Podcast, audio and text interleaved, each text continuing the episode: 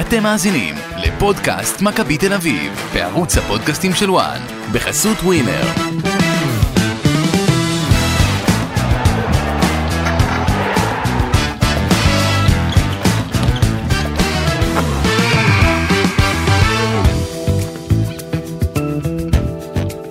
פודקאסט מכבי תל אביב. אנחנו עם פרק אה, חדש לסיכום הסיבוב הראשון של העונה, אה, ולאחר 1-0 על הפועל אה, חיפה, משחק שנערך באיצטדיון אה, בלומפילד והוכרע בדקה ה-98 עם שערו של אה, ג'ורג' יובנוביץ'. אה, סיום אה, מתוק מבחינת מכבי תל אביב אה, למשחק הזה, אה, משחק שהיה ממש פסע מלהיות אה, מקרה נס ציונה 2. אז אה, ננסה לדבר בפרק הזה על הסיבות אה, ל- למה זה קורה בעצם, על מה אפשר לעשות כדי לשפר את הדברים האלו אה, בעתיד, והעתיד הוא, הוא קצת רחוק, יש כמובן פגרה של חודש אה, אה, וקצת בליגה שלנו, אה, וגם אה, ננסה לסכם בכלל את הסיבוב הראשון אה, שעבר על מכבי תל אביב, אה, ניגע בנקודות הטקטיות המעניינות, מה אפשר לשפר, מה אי אפשר לשפר, אה, אבל קודם כל, נתחיל במשחק עם הפועל חיפה, אה, ואני אתן לכם ספוילר, לראשונה אחרי הרבה פרקים, הולך לחזור הריב בין רז אמיר לאורן קדוש. שלום אורן, מה שלומך? מה שלומך רז? בסדר, אז אה, שמת כפפות אני רואה. כן, אחרי תקלה קלה אה, ב- בציוד החדש שלנו, שתגרום לזה שאני אהיה פה עד שתיים בלילה, אה, אנחנו נתחיל להקליט את הפרק הנורא הזה, אה, נורא טוב, אה, נורא ב- בקטע חיובי, נכון, כמו ששלמה שרף אומר, הוא אשם בגול. נכון. אה, כן, אז אה, בוא נתחיל, אני, אני אתחיל את שלי, אחרי זה נצלול יותר אה, לעומק הפרטים. אני רוצה להתחיל את הפרק הזה עם סיפור. אנחנו בדרך כלל עושים סיפור לסיום. דווקא פה, הסיפור לסיום הוא ההתחלה של הפרק הזה. אוקיי. אתמול מתפרסם הסגל של נבחרת סרביה למונדיאל, וג'ורג'י יובנוביץ' לא בסגל. אה, יש יגידו אה, צפוי, אבל הייתה לו תקווה, כמו שפרדרה גרייקוביץ' בזימונים הקודמים לא היה, אבל כן זומן למונדיאל, הייתה לו תקווה שהוא כן יהיה אה, ברשימות הסופיות לטורניר הזה.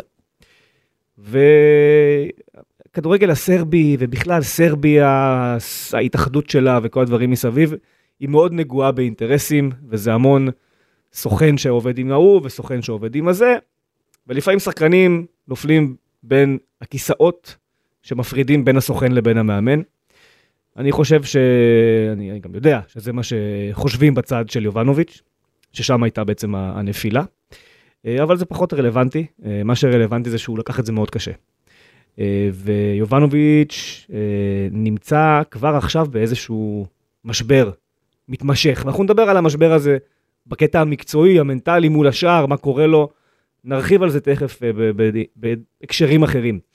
אבל כשבמכבי תל אביב רואים את פרסום הסגל ורואים איך יובנוביץ' מגיב, בסוף הוא ילד בן 23, צריך לזכור את זה. אה, איך הוא מגיב לזה, היה בהם חשש מאוד מאוד מאוד גדול מהמשחק הזה. הם לא ידעו איזה שחקן הם יקבלו, אם הוא יצליח להיות מפוקס, לא יצליח להיות מפוקס, מה זה יעשה לו, מה זה לא יעשה לו. וההתלבטות הפנימית הייתה האם לפתוח איתו. האם לפתוח איתו, או אה, לוותר על חלוץ ולפתוח עם אוסקר ליד ערן זהבי, מה שהיה מסדר את ההרכב שראיתם היום, רק עם קניקובסקי בהרכב בפנים, ולא אה, עם יובנוביץ', זה בעצם היה הסיפור, כש, אה, כשאוסקר בעצם משחק מתחת אה, לערן זהבי. זו הייתה התוכנית, פחות או יותר.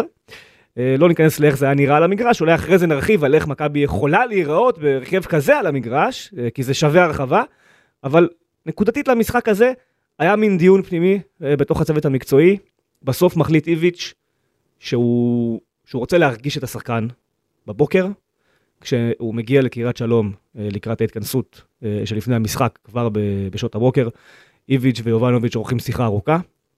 כשהוא יוצא מהשיחה הזו, איביץ' אה, באיזשהו מקום נחה דעתו על כך שהוא יכול לפתוח, הוא פותח איתו, ואז קורה המשחק הזה, שמתחיל כבר בדקה החמישית עם איזה חצי מצב, והגול הפסול, ואז החמצה לא נורמלית, אה, לפני הירידה להפסקה עם הרוחב של קנדיל, נכון. אה, ואתה, ואתה כבר מבין שהמשבר שם, והמשבר הוא גדול, ואתה כנראה הולך לצאת מהמשחק הזה בלי ניצחון, אבל מה שיובנוביץ' כן עשה, וכן השאיר אותו גם על הדשא, הוא הרי יכל להחליף אותו, זה הלחימה, זה ההורדות הנכונות של הכדור, זה הלחץ אחרי עיבוד שהוא עשה כמו נגד הפועל ירושלים, גם במשחק הזה הוא עשה את זה כמה פעמים, והרוויח ככה כדורים באזורים מסוכנים, ובסוף על כל הקרמה בוא נאמר הטובה הזו סביבו, או, אני מישהו לוקח, מדבר על קרמה.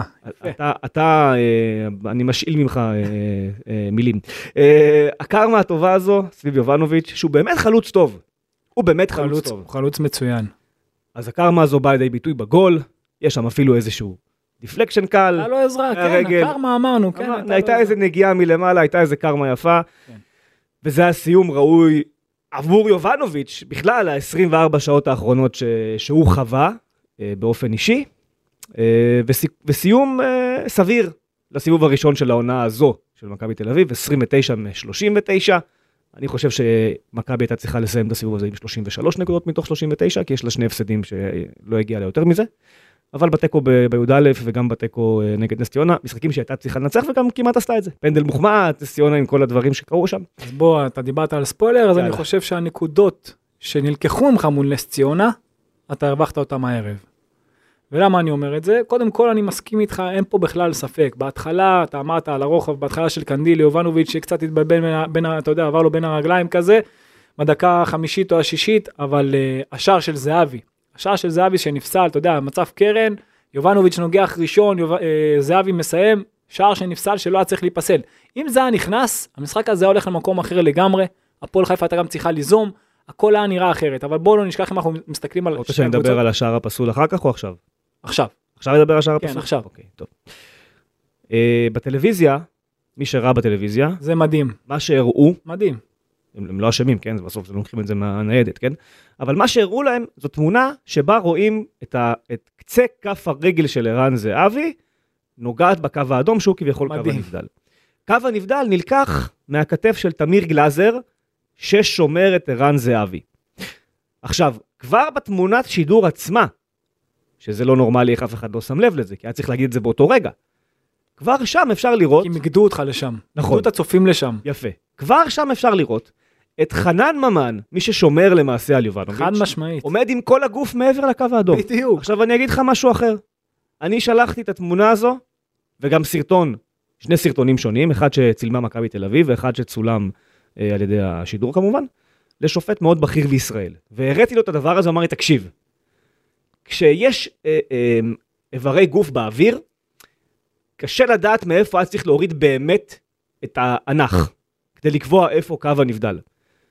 יחד עם זאת, וגם הוא אמר לי את זה, ואחרי זה גם לירן ליאני כתב בפייסבוק שלו את הפרשנות שלו, הוא מאוד מתוסכל מזה שהוא לא שופט יותר, אז הוא מבקר את כולם, והפעם הוא צודק, אה, הוא גם צדק במקרים קודמים, אבל הפעם הוא צודק באמת. אה, גם אותו שופט אומר לי את זה. מה שאף אחד לא מדבר עליו, זה ששימו לב איפה הכדור. הרי מהו חוק הנבדל? לשחקן אסור להקדים את הכדור. נכון. זה מאוד פשוט. בכדורי רוחב, לשחקן אסור להקדים את הכדור, זה הנבדל. זה הכל. פה, פה, פה זה, אבל פה גם זה בנוסף מסתכם. היה שם עוד שחקן. יפה, היה עכשיו- שם את חנן ממן. יפה, אז ה- ה- ה- שלא הטיעון... מתייחסים אליו, לא אז מתייחסים ה- כאילו לא אה, יפה, קיים. אז הטיעון המכובס הזה של חנן ממן, שהוא היה שם, אבל בגלל שהוא באוויר, אז אולי הוא לא בדיוק הנח, כי המצלמה לא ישרה, אז אם אין- אם יש ספק, אה, אתה שאלת השמיים שם. היו שחורים, והענן היה בזווית של אז 90 אם- מעלות. אם יש ספק, תאשר את השער. יפה, אבל, או, עכשיו אתה נוגע פה בעוד שתי נקודות, ואומר, ו- וגם ליאני נוגע בזה בפוסט שלו. הכוון לא עומד בכלל ב- בקו ההגנה. הוא עומד במיקום אחר לגמרי, שמשם אתה יכול להגיד, אוקיי, הוא- יכול להיות שמשם הוא ראה נבדל.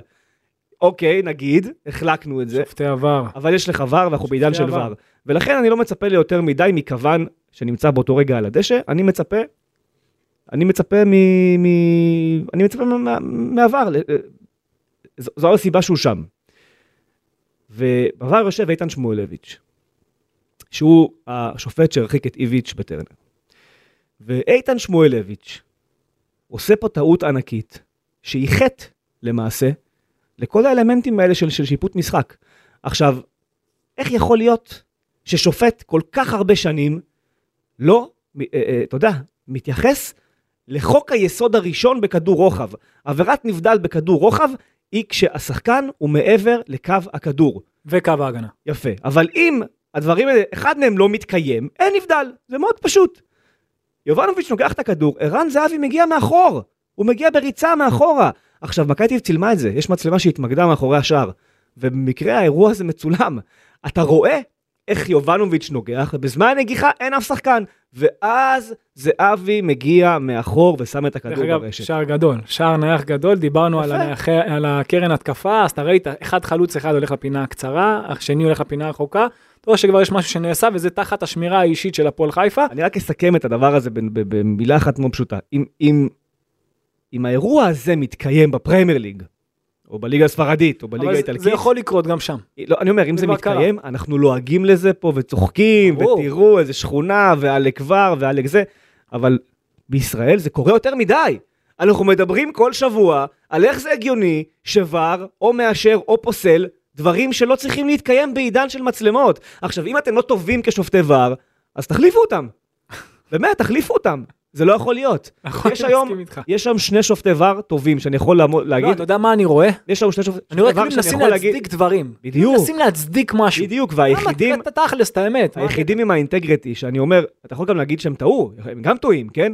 אבל היחידים עם אינטגריטי שאני שם לב במשחקים שאני עוקב אחריהם, זה זיו אדלר ודניאל בר נתן. כל השאר לא טובים בזה. לא שניר לוי ולא שמואל לויץ' ואפילו לא גרינפלד שהיה בוואר, עשה טעויות בוואר. אז אם אתם לא טובים בזה, אל תעשו את זה. ריינשרייבר גם טוב בוואר. אם אתם לא טובים בזה, אל תעשו את זה. זה לא יכול להיות, זה דברים, אנחנו אומרים תמיד לגדל דור של מאמנים. תגדלו דור של שופטי וואר. זה לא כזה מסובך לשבת מול מסך הכל צריך. ולהוריד אנכים. נכון. זה גם אחותי יודעת לעשות. זה בדיחה. ו- והכי גרוע, שזה גם לא, לא, זה לא הורדה של, זה לא להוריד אנך, זה לא להבין את חוקת המשחק, זה לא יכול לקרות. נכון. אתה השופט, זה כמו ששופט בבית משפט אזרחי, לא ידע על מה מרשיעים ברצח. אז מה אתה עושה שם? אל גם- תשב שם. גם שם, וגם גם שם. שם, גם שם, ב- אתה יודע, בקיצור- בדברים יותר אקוטיים, כן. גם שם אתה תראה דברים שאתה לא תאמין אפילו, אז... אה, זה, בוא. זה, זה היה על זה אה, רגע מאוד מאוד מאוד מביך בבלומפילד, שאסור שיקרה שוב באף משחק העונה בליגת העל של כל קבוצה.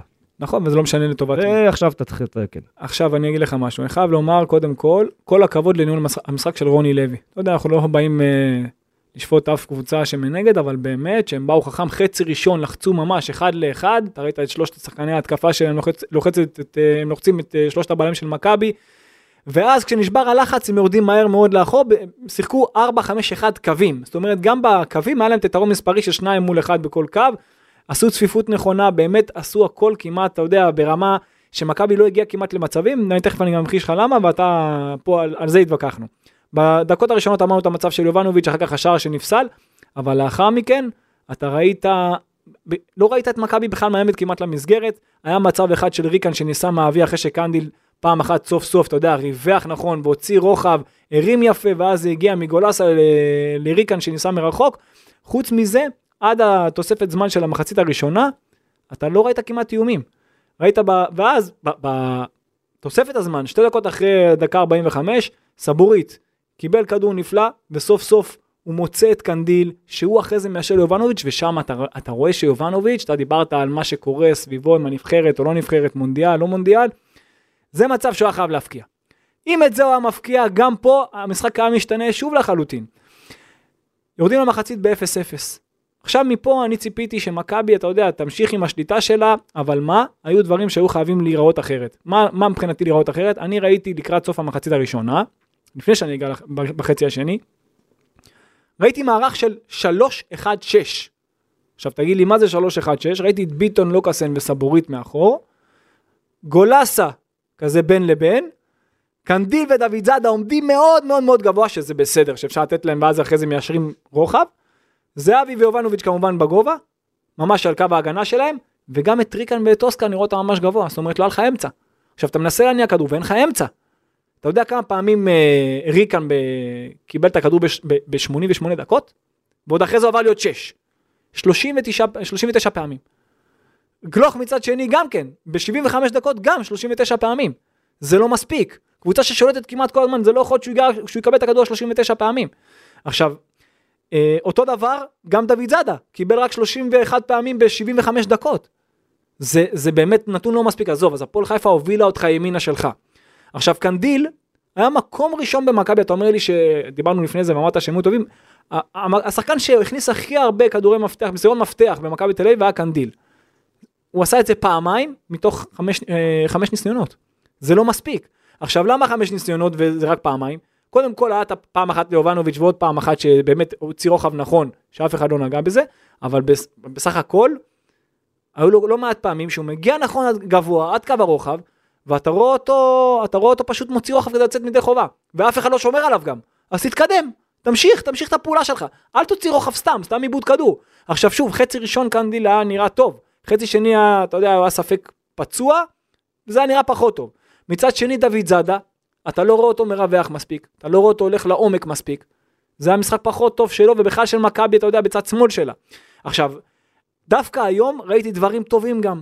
ראיתי את ביטון בהתמודדות כדור ארוך, פש, פחות אתה רואה אותו מ- אה, מרחיק את הכדור לאמצע. דרך אגב, השער של מכבי קרה אחרי הרחקה של הפועל חיפה לאמצע. וזה מראה לך כמה אסור להרחיק את הכדור לאמצע, אז הוא גם הרחיק פחות לאמצע. גם היה חיפוי מהחוק, כשהוא יצא לכדור בראש, אז לוקאסן וסבורית חיפו. אה, אותו דבר כשלוקאסן יצא, אז ראית כל פעם חיפוי, מה שלא היה במשחקים קודמים, אתה רואה את מכבי באמת משתפרת במה שאנחנו דיברנו בפרק הקודם. היה חיפוי מהחוק כמו שצריך, אבל מה?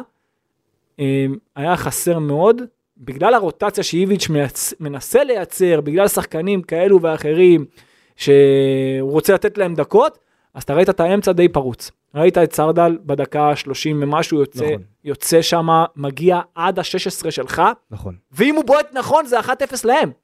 ויוצאים ממך, ועכשיו הפועל חיפה שיחקה עם הכדור נכון בחצי הראשון, היא כל פעם שיחקה לקווים, יצרו יתרון מספרי בקו, כי יש להם יתרון מספרי בקו. אתה לעומת זאת כמכבי, עמדת בחצי הראשון נמוך יחסית, שזה היה בסדר. ניסית לייצר אתה בעצמך מעברים, ניסית לשחק מהר קדימה. אבל הם הש- השתחררו בקלות כי היה להם יתרון מספרי בקו, ואז אחרי זה שכבר הגיע לסרדל באמצע, זה שהוא מצליח להגיע בכזאת קלות, אתה ראית שגולסה במיקום שלו כשש, גם הגנתית וגם התקפית, הוא יותר מדי ברח לקווים. אתה חייב שיהיה לך קשר אחורי אחד, אחד בקבוצה, שגם אם הוא יוצא קדימה, או מצטרף מבחינה התקפית, או לוחץ, לא משנה מה, שאחד תמיד יישאר באמצע, שישמור על האמצע. לא יכול להיות ש- שלא יהיה לך קשר אחד שישמור על האמצע. אז אני, אני אנסה להגן טיפה על, אה, על איביץ' בנושא הזה, ואני אגיד לך שהיום 13 חילוצים של סבורית ולוקאסן, ועוד 14 של ניר ביטון. זאת אומרת ששלושת הבלמים, כל אחד אה, באותו רגע נתון, היה הקשר האחורי. לא, זה משהו אחר. אז אני למה לא? אסביר למה, אני אסביר למה. אבנית התקפה. אני אסביר, אני אסביר למה. אבנית התקפה. לא, אני אסביר למה. אוקיי. כי הם עמדו בקו. עכשיו, אתה רוצה שלפני שיגיעו מול הבלמים שלך, שיהיה לך קשר אחורי באמצע. שידע לשמור על האמצע, וגם אם יעברו אותו, אז, אז, אז אחרי זה יבוא הבלם. אבל אולי לא איביץ'... יכול לקרות מצב, לא יכול לקרות מצב, כמו, עכשיו למה אני אומר? המצב של סרדה לא יכול לקרות, זה, לא יכול אני, לקרות. לא, אני מסכים איתך, אבל... גם בחצי השני ראית מלא פעמים שארית ש- ש- המשחק, ש- שגולסה נכון. יו- יוצא בלחץ הצידה, אין לו, אין לו למה, אני, אין לקשר אחורי מה ללחוץ אה, ו- בצד. ואם ההנחיה הייתה לקחת קצת יותר סיכונים, כי הוא באמת סמך על לוקאסן, ו- שיהיה שם לפני ה- אז, אז החלוצים. בעיניי זו טעות, כי אתה לא רוצה להגיע למצב שהאחד על אחד יגיע קל מול הבלמים. אתה רוצה שזה יהיה אחרי פעולה שעושים אבל- מקסימום נגד קשר הם אחורי. יוצאים חלוץ אחד על שלושה בלמים, אתה אומר על הנייר, הם צריכים לקחת לא, את הם זה. היו שלושה על שלושה. הם היו שלושה על כן, שלושה. אבל הפס הראשון תמיד יהיה לאחד מול שלושה. לחלוץ שמנסה להשתלט, ואז לח- לקרוא לחברים שיבואו לעזור לו. נכון. שבא- יפה, אז יכול להיות שהוא אומר לעצמו, אני מוכן להקריב את האירוע אתה יודע הזה, איפה אתה עוד ראית את זה? כדי לקחת את הכדור. אז זהו, זה לא טוב, כי במקרה היום נתקעת ב- נגד קבוצה שהייתה, מה אני אגיד לך, פוטנטית מבחינה התקפית. למה? כי גם, בח- גם היה מצב שנתנו כדור עומק בחצי אבל אולי שיש- בניתוח של המשחק, הוא, הוא ראה את זה, והוא אמר, אתה יודע מה, הם באים אליי בלי אלון תורג'מן. את גידי קניוק, שעוד יכול לייצר עוד דברים מעניינים מטכניקה, הוא הוציא בדקה 20.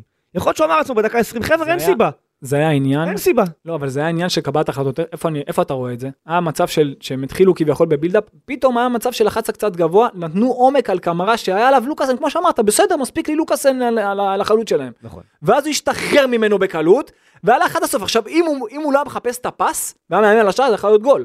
מעבר למצב של סרדל. אני אומר לך, זה משחק שבאופן יחסי, דווקא זה מהפחות טובים של מכבי העונה.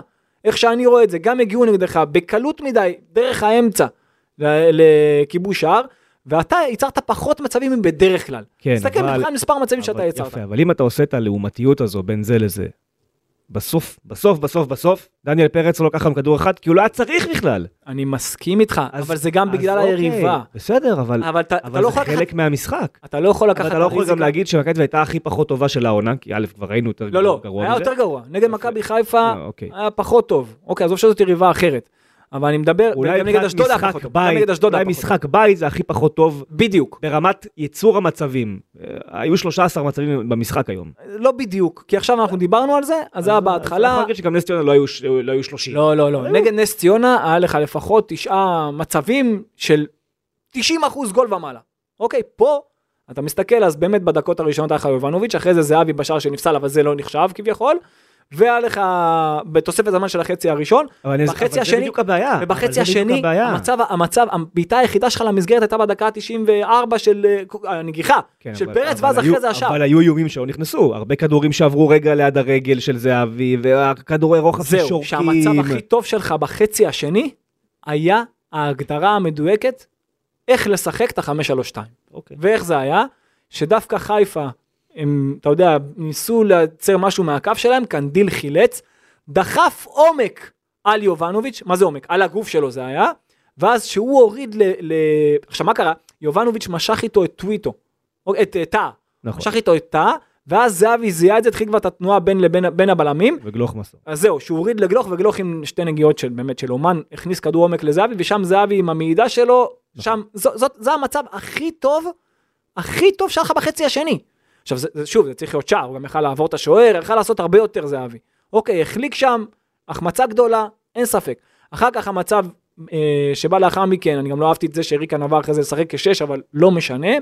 אחרי זה שדור פרץ נכנס, ההצטרפות שלו הייתה טובה, קניקובסקי, אני אחרי זה ארחיב עליו בענק, כי הוא שינה מבחינתי את המשחק גם הגנתית וגם התקפית, כי דיברתי קודם על העמדות של ריקן וגלוך שעמדו מאוד גבוה, אז אתה רואה את השחקן הזה, אם אני החמאתי לאיביץ' לא מעט פעמים, ואני גם ארחיב על כך, על, על, מבחינת, אתה יודע, משחק התקפה, הריווח והכל, אז הוא יודע לא רק לרווח ולה, ולהגיע לקו הרוחב ולהכניס כדורים, אלא גם להיות במקום הנכון של, מבחינת קשר, לא לעמוד גבוה מדי ולבטל באמת את כל האמצע שלך.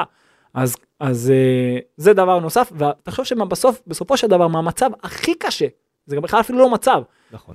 ומטעות שלהם שהם הרחיקו לאמצע, אז לוקאסן הכניס ליובנוביץ', אז מהמצב הזה, כבש את השער, במצב שאתה, אני אתן לו, אני אתן לו עוד 100 כאלה, יהיה לו קשה להכניס אחד. גם הגול נגד הפועל אה, ירושלים שלו הוא גול קשה, אגב. מה גול ש- מאוד קשה, שנכנס. אתה, זאת, זה גול של פעולה אישית, נטו פעולה אישית, אתה יודע, הוא- הוא עוצר בחצי הפית עם השמאל, נותן עוד נגיעה קלה עם הימין, ואז יורה לפינה החוקה עם עזרה שם של אה, טוויטו המחליף, אז זו באמת פעולה, זו פעולה אישית נטו, כאילו אם היה נגמר 0-0, אז היית מבין גם למה.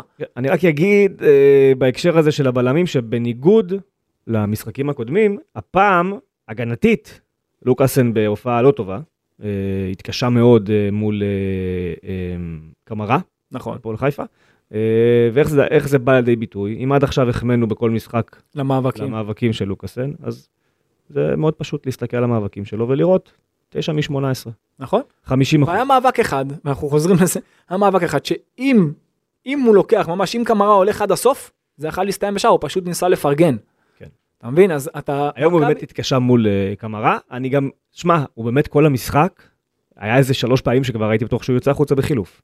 שהוא נאנק שם על הדשא וסימן וטיפלו בו, אז אני לא יודע מה הוא חווה שם בדיוק, אה, פיזית. קמרה עשה עליו, אה, עשה לו לא מעט כאבי ראש במשחק הזה, אה, אבל בסוף, אתה יודע, אז הוא, אז הוא הפסיד מאבקים, ב... יודע מה ההבדל הוא היה הפסיד היום? מאבקים בהגנה, אבל את- את הפס הזה שהוא דחף ליובנוביץ', אה, נכון, צריך עזוב משחק על שזה- זה לא הפס שלו כמו מה שיובנוביץ' עשה אחר כך, נכון, זה גם וגם. נכון, מכיר אבל, הרבה אוהדים אבל אתה יודע שמגבים מה? את הכדור כמו, אתה יודע. אבל סתם להגזים. מבחינה הגנתית, מה שדיברנו שבוע שעבר שמכבי צריכה לשפר, ש- ש- להתמודד עם כדור ארוך, הכדור גובה או כדורי עומק, הפעם ראית באמת חיפוי. כן. הפעם ראית חיפוי, לא שעכשיו נותנים ל- לקמרה, ל- ללוקאסן להתמודד לבד- לבד עם קמרה וזהו, זה קרה פעם אחת ואז כמעט מכבי נענשה. כל השאר הפעמים אתה ראית, באמת, שחקן יוצא לכדור גובה, יש לו לפחות שניים שלושה שחקנים מאחוריו. וזה דבר שמכבי שינתה, ובנוסף גם בהנעת הכדור, מעבר לזה שאני צריך להחמיא לסבורית במשחק הזה, כי הוא באמת ידע גם להיכנס לעמדת הקשר, וגם לתת חצי צד שני לקנדיל, שאם הוא היה קצת יותר קרוח היום, גם מכבי יכלה לסיים את המשחק הרבה קודם, אבל אתה ראית שגם ביטון נתן כבר כמה חצי מצד נתן, שני. אבל אני רוצה לא להחמיא להם אה, על, על דבר שמאוד בולט במשחק של שניהם. יש הרבה דקות במשחק, זה לא כל המשחק, יש הרבה דקות במשחק ששניהם פשוט, אתה מרגיש כאילו הם עייפים. כאילו משחק אחריו שחקן, שכבר, הוא לא רוצה, לרוץ, לא בא לו לרוץ. מין כבדות, עייפות כזו שאני לא יכול, אני לא יכול לקבל אותה, בטח שאתה ב-0-0. על מי אתה מדבר? על שניהם. על אה, ביטון ועל סבורית וניר ביטון. אני חושב שכדי שהמערך הזה הוא יעבוד מושלם, אם הוא אי פעם יעבוד מושלם, זה יקרה בזכותם, ובתחילת העונה זה קרה בזכות סבורית בלא מעט משחקים. גם אבל- בזכותו של ביטון. אבל משהו שם, משהו שם מרגיש עייף, משהו שם מרגיש לא, אתה יודע, בקצב, יש באינטנסיביות, שני דברים. הם לא במאה אחוז. גם למדו אותם, גם מובילים אותם עכשיו למקומות שהם פחות רגילים. פתאום אבל, אבל גם היום, כשהפועל חיפה עומדת, כל השחקנים כבר ברחבה שלהם עושים בונקר, והכדור רק, אתה יודע, שטח להשכרה, הכל לאט, ועד שמתקדם אבל- אבל למעלה, רז, תקשיב. ועד שהוא זז, ועד לא, אבל- שהוא מוסר את הכדור לקשר האחורי. אם הדברים יתוקתקו טיפה יותר מהר, אתה יודע, ברמת ה... שלוש שניות קודם. אתה יודע איפה, אתה- על מה אתה אתה חייב, מדבר? אתה חייב אני אגיד לך- להפעיל אני אגיד לך- מכבש על היריבה, והם כאילו נותנים להם אוויר. אני אגיד לך בדיוק למה אתה מתכוון במילים אחרות. נו. לשחק מהר נגד קבוצה שעומדת נמוך כמו בחצי השני, זה בלתי אפשרי. בלתי אפשרי. אוקיי, מה שכן אתה יכול לעשות, אוקיי. וזה יגרום למשחק להיות קצת יותר מהיר ויותר חכם גם, שכל פס ייכנס כמו פצצה. אוקיי? וכשהפס עולה חלש, אז כבר קל להפועל חיפה להגיב. נכון. זה העניין. המסירות חייבות להיות חזקות, ואין לא. והן לא. או. הן לא מספיק. אוקיי. זה העניין, זה לא ש... אתה יודע, לשחק נגד קבוצה שעומדת נמוך בקו, בקו 4, קו 5 ו-1, ולשחק מהר, אתה תאבד את הכדורים, יצאו, יצאו נגדך למעברים. אתה צריך להיות חכם. נכון. אבל, אבל אתה יודע מה אני לא אהבתי? וזה דבר שאנחנו... אני אומר את זה פעם אחר פעם, וחשבתי שאת זה איביץ', אתה יודע, מתקן, הוא כבר תיקן, זה היה נראה כאילו הוא מתקן, אבל זה עוד פעם, זה עושה רושם כאילו זה יכול להיות אישית, ואולי חשיבה נכונה של שחקנים, שהם בקושי מגיעים כמו שצריך לקו הרוחב, ואז משם רוחב עם כתובת. אתה רואה יותר מדי כדורי רוחב בלי כתובת, אתה רואה יותר מדי כדורים אלכסונים שנותנים בעצם מעברים לצד שני. כאילו הם מערים, אתה רואה את לוקאסן דוחף סתם פתאום כדור ארוך שכבר הפועל חיפה עומדת נמוך. אתה רואה אותו דבר, זה גם קרה לסבורית, אתה, אתה, אתה, לא מבין למה זה קורה. יותר מזה, עד שזה כבר קורה, אני אומר שההתקפה... אפילו לא פעם אחת מנסים למצוא שחקן בקו שני. זה תמיד לדחוף את הכדור בכוח לחמש. למה? ופה, רגע, זהו, יש פה, אה, זה גם הם, וזה גם העמדה של גלוך וריקן. זה מה שאני אמרתי לך מקודם בחדר בינינו, הם עמדו רוב המשחק מאוד גבוה. עכשיו גלוך עוד עושה את הוויקאט וחוזר אחורה הרבה. ריקן הולך לעומק כאילו הוא חלוץ. עכשיו אני מבין שיש שילוב כזה שאחד חלוץ יורד ואז הוא נכנס במקום. אבל אתה לא יכול בהנעת כדור בשליש, מר- ב- ב- בשליש המגר, המגרש המרכזי או בחלק האחרון, אתה לא, אתה, אין לך מקום לעומק, בוא תהיה באמצע. אתה מבין? וזה היה חסר באמצע. כן. ופה אתה ראית שמכבי עם הכדור לא יעילה מספיק. אתה מבין? וגם לא היה את הריווח של ריקן ימינה. כשקניקובסקי נכנס, הכל כבר היה נראה אחרת. אתה לא יודע כמה שהוא משמעותי במכבי של היום. אנחנו תכף נגיע לקניקובסקי בפרטנות, אבל אה, אני חייב להגיד שבאמת כל המחליפים שעלו היום חוץ מיונתן כהן נכנסו טוב למשחק. חד משמעית, שוב, אבל יונתן- יונתן כהן קשה לשפוט אותו, כי זה לא התפקיד שלו. בעיניי זה לא התפקיד שלו. אבל גם לא הגיוני ש... שהוא פה כבר חודשיים, וזו רמת הכושר הגופני שלו. זה לא יכול להיות. יש אה, סף לשחקן, ובכלל, כל... אה, ס- מישהו שהוא מתעסק בספורט בדקות הראשונות, אתה צריך סף לעבור אותו, זה אחרי 3-4 דקות. אוקיי. עכשיו הוא שיחק כמה, דס- הוא שיחק 9 דקות, בסוף היה 16 דקות. שיחק 10 דקות, לא, אז- למה? נכנס דקה 83, המשחק היה דקה 100. בסדר, עד שהוא נפתח, עד שזה, החמש דקות הראשונות, אתה אוקיי. יודע, הוא הולך על טראנס, ואז אחרי זה יש סף שהוא צריך לעבור אותו, זה קצת קשה. אוקיי, אז פה, הוא, הוא לא הרבה זמן, הוא לא משחק כמעט, אי אפשר לשפוט אותו וגם לא בתפקיד הזה. אז זה התפקיד שלו אבל, דיברנו על זה. אתה חושב שזה התפקיד שלו, אז אולי איביץ' חושב שזה התפקיד שלו. אני לא חושב גם- שזה התפקיד שלו, גם הוא יודע שלשם הוא הגיע. אז לשם הוא הגיע, לד- לטעמי זו טעות, הוא לא צריך לשחק מגן, אוקיי, לשרוף לבד את הכף, לשלוט על הקו הגנתית והתקפית. הם חייבים אה, להתמק... ל- ל- לגרום לו להיות בתפקידים שיותר מתאים לו. דרך אגב, היום, היום זו סיטואציה הייתה, שיכלת כבר לשחק 4-3-3 פתאום. יכלת. לא, לא הייתה סיבה שלא. שים אותו קו ימין, שים את יכלת. פרפץ עד שמאל, מה הבעיה? כן. מה הבעיה לעשות את זה? כי הוא לא מתרגל את זה באימונים, אז זה לא- אז זה לא מספיק. אבל הוא כן מתרגל את זה באימונים. לא, לא, מס- לא... ב- כן, הוא פשוט, זה לא, הוא טוען שזה לא עובד לו. בדיוק. בסדר, אבל ה- עכשיו סיטואציה 0-0, דקה 85. אוקיי, לא תעבור, לא תנסה.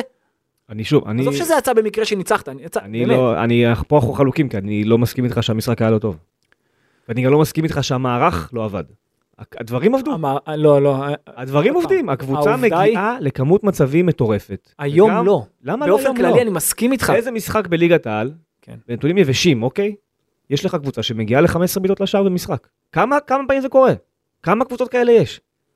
אתה נגד כל קבוצה, נו, צריך להגיע לפחות לעשרה איומ- איומים ל- לשער, נו. ולפחות לשישה שבעה למסגרת. לפחות. אבל זה מה שהיה. לא, למה באת לא? פעמיים למסגרת כל המשחק.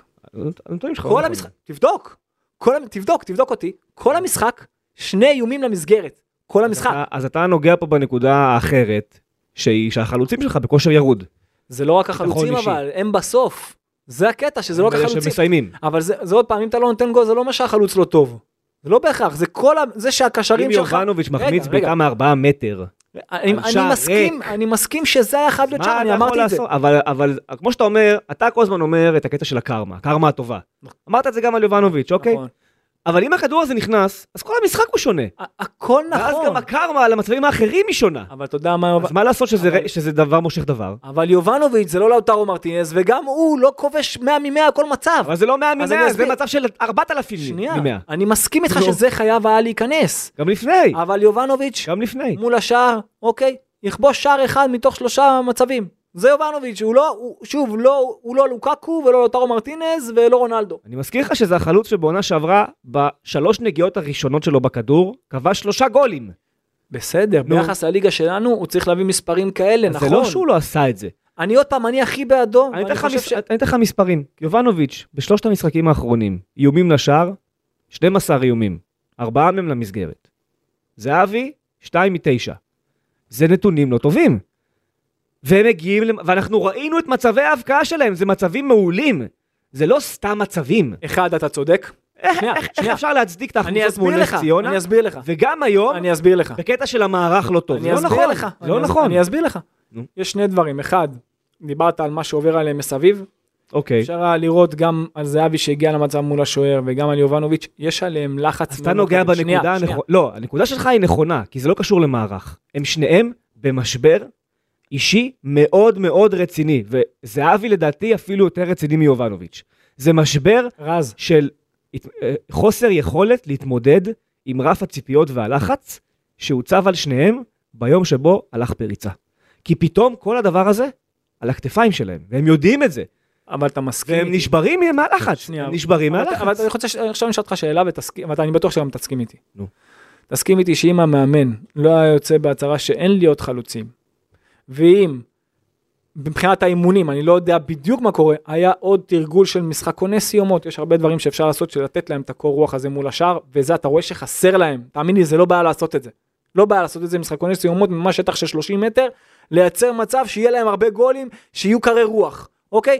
דבר שלישי, הם יהיו יותר טובים, אתה מסכים איתי, ויגיעו ליותר מצבים, וגם יחמיצו יותר, אם כל שאר הקבוצה תהיה יותר טובה, נכון? אוקיי. כל זה שלא קורה. אם הם לא, הם היו צריכים להגיע היום, היום, כן. ליותר מצבים, נגד נס ציונה, אני, אני אומר, זה משהו אחר לגמרי.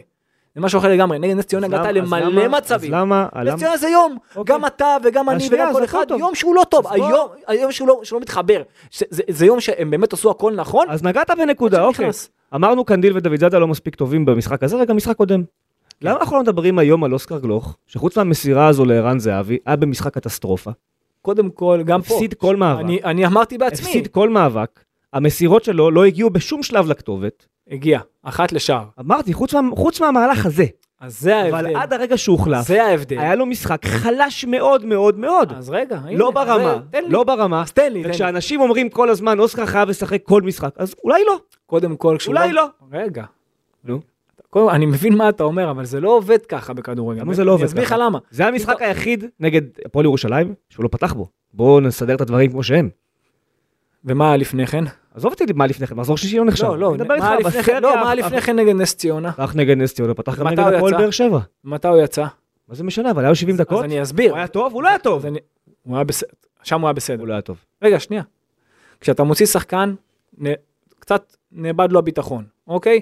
עכשיו, אני לא אומר שהוא חייב לשחק כל הזמן, אני, מבחינתי כן. הוא היה צריך, אה, אה, גם היום יותר. למה לקניקובסקי? אני- רגע, למה שנייה, לקניקובסקי היה ביטחון כשהוא שנייה, עלה מחליף? שנייה, אם קוד- הוא שלושה משחקים אחרונים פתח רק באחד. אתה יכול להרוויח ממנו גם הרבה יותר. אבל למה? למה אתה- שנייה, למה שנייה, אצלו לא תן- תן לי הולך לסיים על- איבוד הביטחון? תן לי לסיים על אוסקר. נו. תן לי לסיים על אוסקר. אני חושב שמבחינת אוסקר היום משחק לא, פ- לא, לא, לא מספיק טוב. לא מספיק טוב, גם דיברתי על העמדה שלו ושל ריקה שהיו גבוהים מדי רוב המשחק. אוקיי? מבחינת הריווח גם זה לא היה מספיק. וגם איבד, איבד מאבקים. אל תשכח שהיום הוא נלקח ממש אישית. סרדה לקח אותו אישית, אבל ההבדל בינו לבין אה, דוד זאדה וקאדי שהם תמיד באים עם הפנים, הוא הרבה פעמים גם בא עם הגב. הוא זה שחקן שבדרך כלל משחק, כאילו במ- במקור, הוא שחקן שהוא משחק כעשר, אוקיי? וגם עכשיו הוא 50-50 ומצטרף קדימה, אתה צריך פעולה אחת טובה של אחד כזה במשחק. והוא הביא לך אותה. עם המשחק הלא טוב שלו, הוא הביא לך פעולה לגול.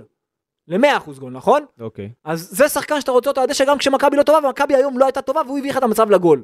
המצב היחיד בחצי השני שהוא באמת מצב, תסתכל עכשיו עוד פעם על החצי השני, תגיד לי, המצב היחיד שהוא באמת מצב, וחצי שני, זה זה. ואנחנו כאילו מוחקים את החצי הראשון, הוא לא- הוא לא רלוונטי מבחינתנו. אז עוד פעם, אני לא אומר הוא שהוא לא היה עשה טוב בו- היום, רגע, אבל... הוא לא עשה בו אבל- כלום, אבל ואת תהיה- המצבים לגולים הביא לך אבל קנדיל. תהיה- תהיה איתי. לצורך אני העניין. אומר לך, נו. הוא לא היה טוב היום, אבל זה שחקן שבפעולה אחת, הייתי שומע אותו על קר הדשא, כי בפעולה אחת הוא עושה לך את המצב לגול. אבל אתה לא יכול מה שאני אומר. להתעקש על הדבר הזה בלי הפסקה, כל משחק, 90 דקות, לא, אתה לא על חייב. חשבון ההצלחה של הקבוצה. אתה לא חייב.